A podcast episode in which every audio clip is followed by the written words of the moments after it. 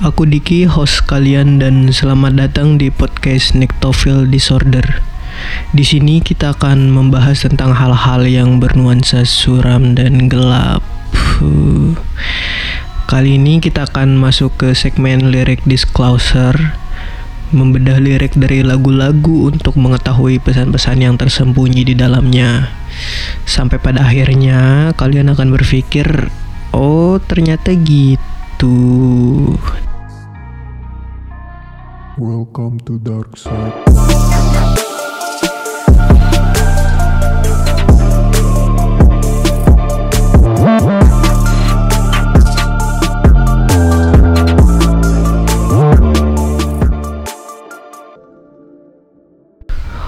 Oke, kali ini kita akan membedah sebuah lagu dari band asal Inggris.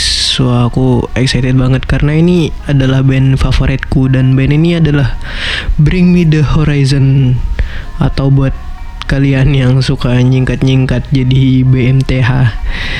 Track lagu ke-9 dari album yang membuat BMTH mulai dikenal oleh banyak orang yang tidak terbiasa mendengar genre core yaitu album Dead's the Spirit yang rilis pada tahun 2015.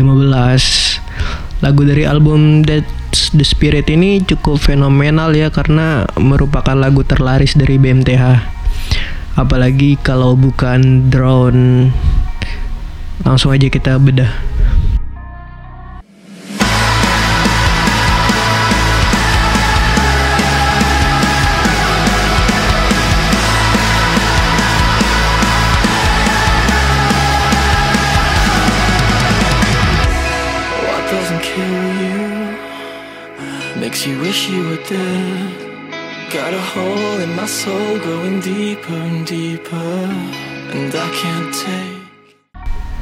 Bagian verse pertama dimulai dengan sebuah pertanyaan.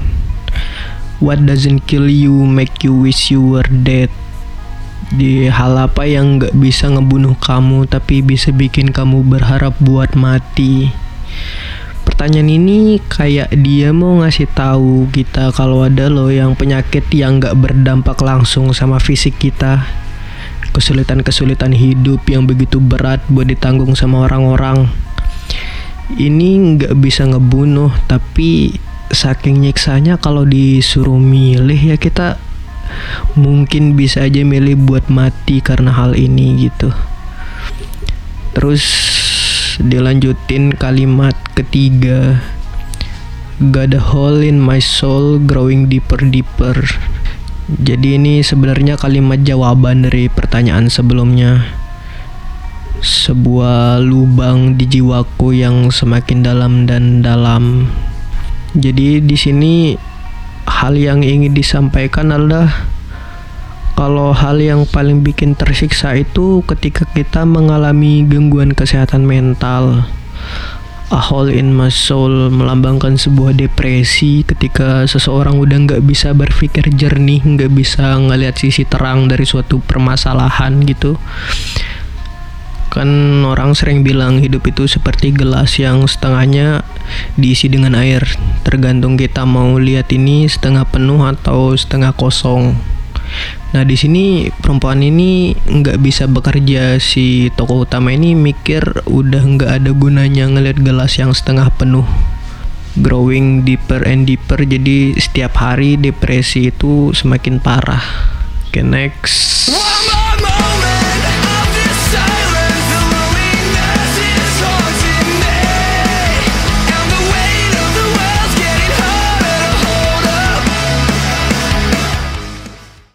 Kita lanjut masuk ke verse kedua, tapi by the way aku sengaja langsung masuk ke verse kedua tanpa ngebahas baris keempat dari verse pertama. Karena baris keempat sebenarnya satu kalimat sama baris pertama dan kedua di verse kedua gitu. Jadi eh, kalimatnya itu and I can take one more moment of this silence, the loneliness is haunting me kalau diterjemahkan itu jadinya dan aku nggak bisa nanganin satu lagi keadaan di dalam kesunyian ini kesepian ini menghantuiku. Ada satu titik di mana seseorang itu ngerasa nggak punya teman sama sekali mau cerita tapi susah banget. Mungkin ada beberapa orang yang emang nggak punya teman sama sekali tapi sebagian lagi punya teman banyak. Cuma ngerasa nggak ada yang bisa ngerti dan nggak mau peduli gitu. Ya itu dia mau nyampein kayak gitu. Jadi di kalimat selanjutnya dia bilang in the wake of the world getting hard to the whole up. Dan beban dari dunia ini semakin sulit untuk ditahan. Um, pernah ngerasain gak sih ketika kita ngerasa nggak punya orang-orang yang ngertiin gitu yang bisa ngasih kita pendapat terkait solusi atau minimal yang mau dengerin deh gitu kalau lagi ada masalah itu. Jadi masalah yang kita hadapin itu bakal kerasa sangat berat karena cuma dihadapin sendiri dan gak ada support system di sini. Terus masuk ke bagian bridge lagu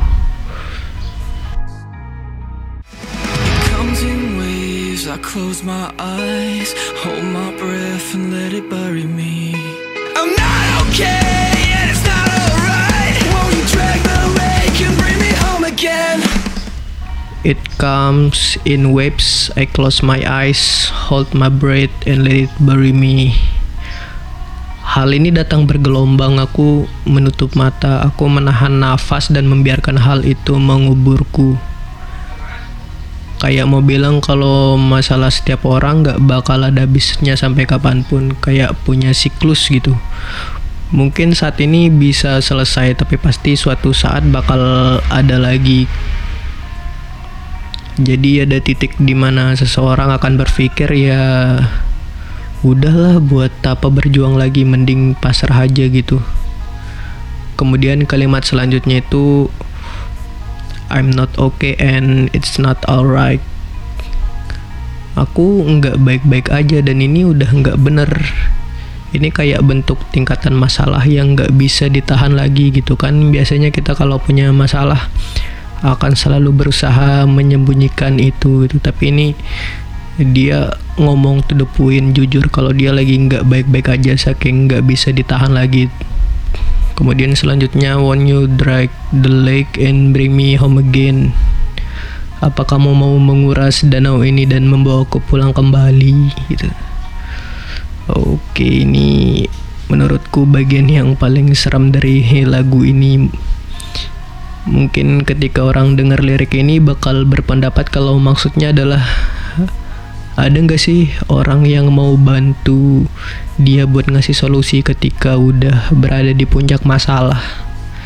Tapi aku mikir ini pernyataan dari seseorang yang mau bunuh diri sih lebih ke ke sana gitu. Waduh aku agak merinding ngebahasnya kan. Jadi kan awalnya dia bilang kalau masalah itu kayak gelombang yang akan selalu ada di kehidupan setiap orang. Terus di kalimat selanjutnya dia nanya, kamu mau nggak nguras danau ini gitu?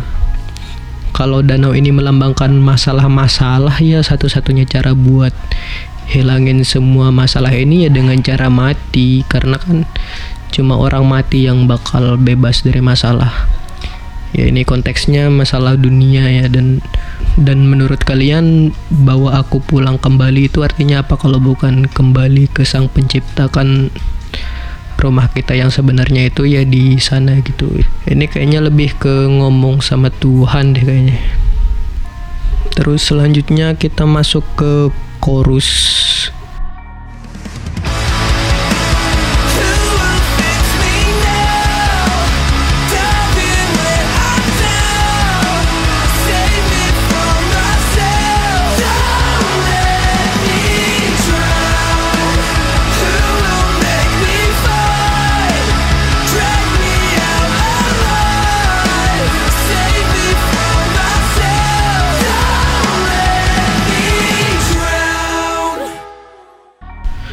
tahu sih tapi kalimat-kalimat di chorus ini agak ambigu menurutku. We will fix me now. Siapa yang akan memperbaikiku sekarang? Dive in when I'm down. Menyelam ke dalam ketika aku berada di bawah.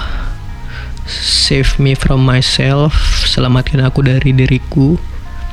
Don't let me drown. Jangan biarkan aku tenggelam.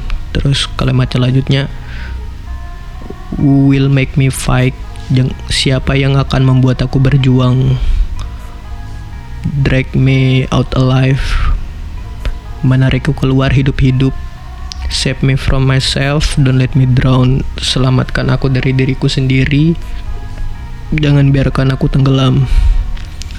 Kalau didengar sekali ini kayak sebuah permintaan pertolongan. Tapi kalau dicoba deh kalau didengerin ulang ini kayak kalimat satir kepasrahan dari seseorang gitu yang ngerasa nggak mungkin ada yang bisa buat bantuin dia lagi. Jadi kayak kalimatnya lebih ke siapa yang bisa bantu aku kalau udah kayak gini? Kalau bisa ya ayo bantu aku tapi nggak bakal ada sih kayaknya. Nah kayak gitu sih kalau menurutku Oke kita langsung lompat ke bridge kedua ya karena setelah chorus pertama liriknya nggak ada yang beda cuma diulang dari awal.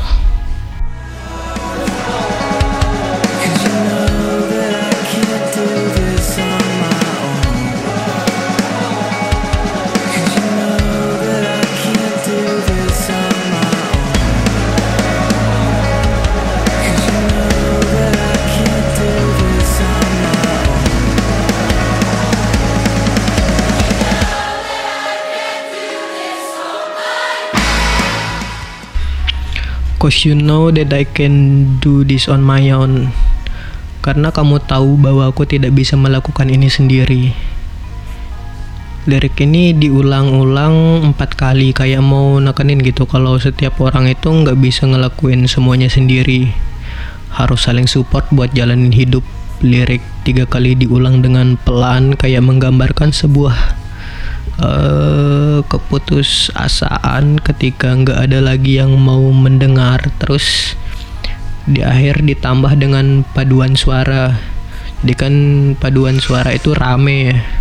Jadi banyak orang yang nyanyi gitu. Jadi kayak mau bilang kalau ini bukan cuma masalah aku aja tapi semua orang juga membutuhkan hal yang sama gitu.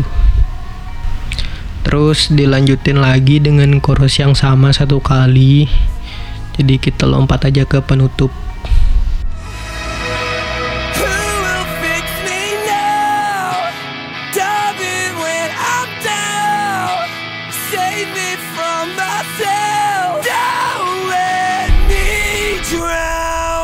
Hmm, nah, liriknya sama. Liriknya sebenarnya sama juga kayak chorus tapi musiknya jadi makin pelan gitu karena ini kan penutup kesannya kayak si tokoh utama udah bener-bener pasrah.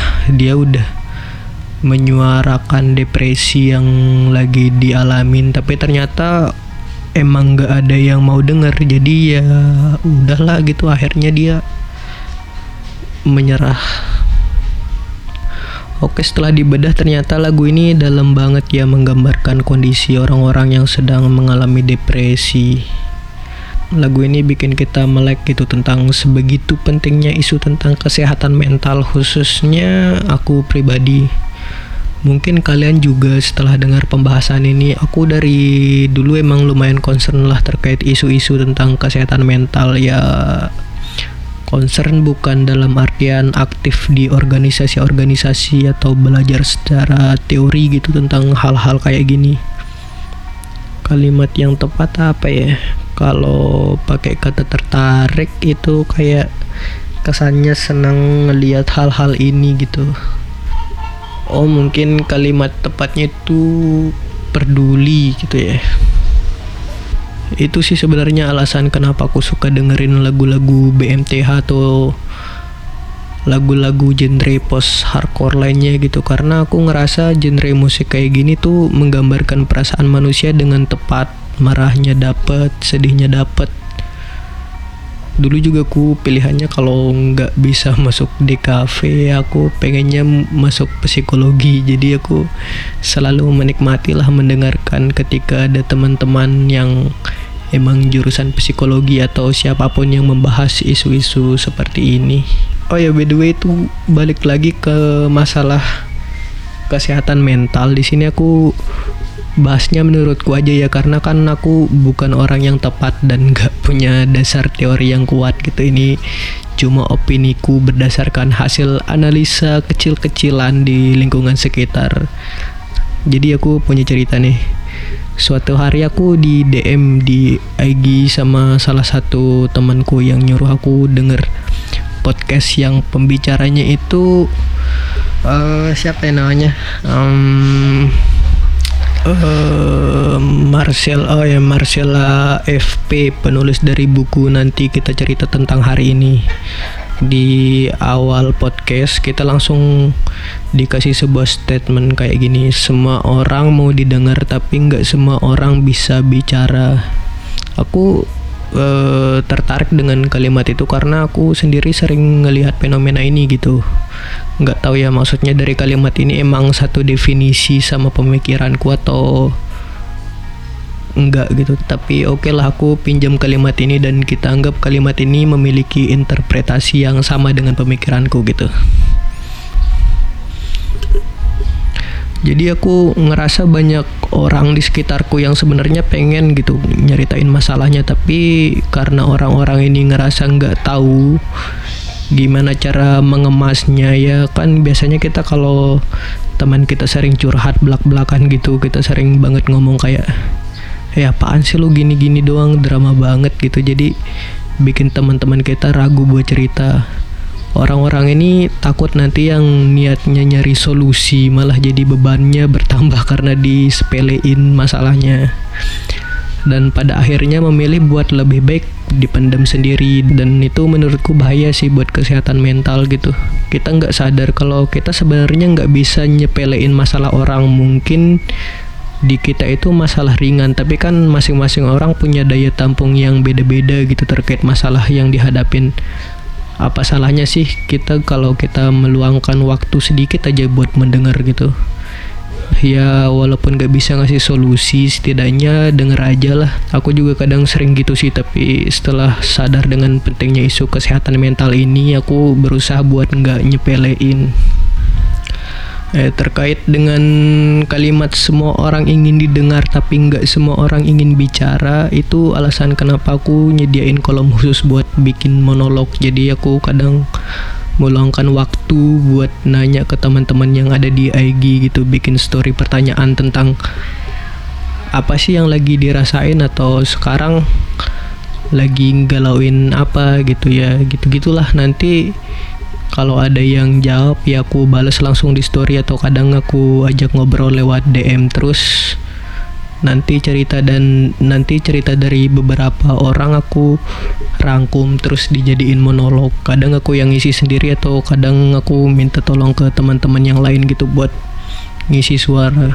Jadi kayak lebih ke aku pengen memfasilitasi gitu sih. Setidaknya mereka bisa merasa didengar gitu tanpa harus namanya disebut di dalam monolog ini yang curhat siapa. Jadi uh, sedikit cerita itu kenapa aku akhirnya suka bikin-bikin monolog. Itu awalnya aku sering bikin pertanyaan kan di story tentang masalah apa yang lagi dihadapin gitu sama orang-orang. Awalnya jawaban orang-orang itu aku balas langsung di story dan aku ngetek nama mereka beberapa kali. Yang jawab cuma dikit tuh. Nah terus besok besoknya aku bikin pertanyaan lagi kan terus beberapa orang yang jawab aku balas lagi di story. Tapi aku kali ini nggak ngetek nama. Ternyata orang yang jawab pertanyaanku lebih banyak daripada biasanya. Terus aku nyoba lebih intim lagi. Aku bikin pertanyaan tapi aku nggak balas di story. Aku langsung ajak ngobrol lewat DM obrolan kita lebih berkualitas bisa lebih dalam banget kadang ada yang curhat dari malam sampai pagi gitu.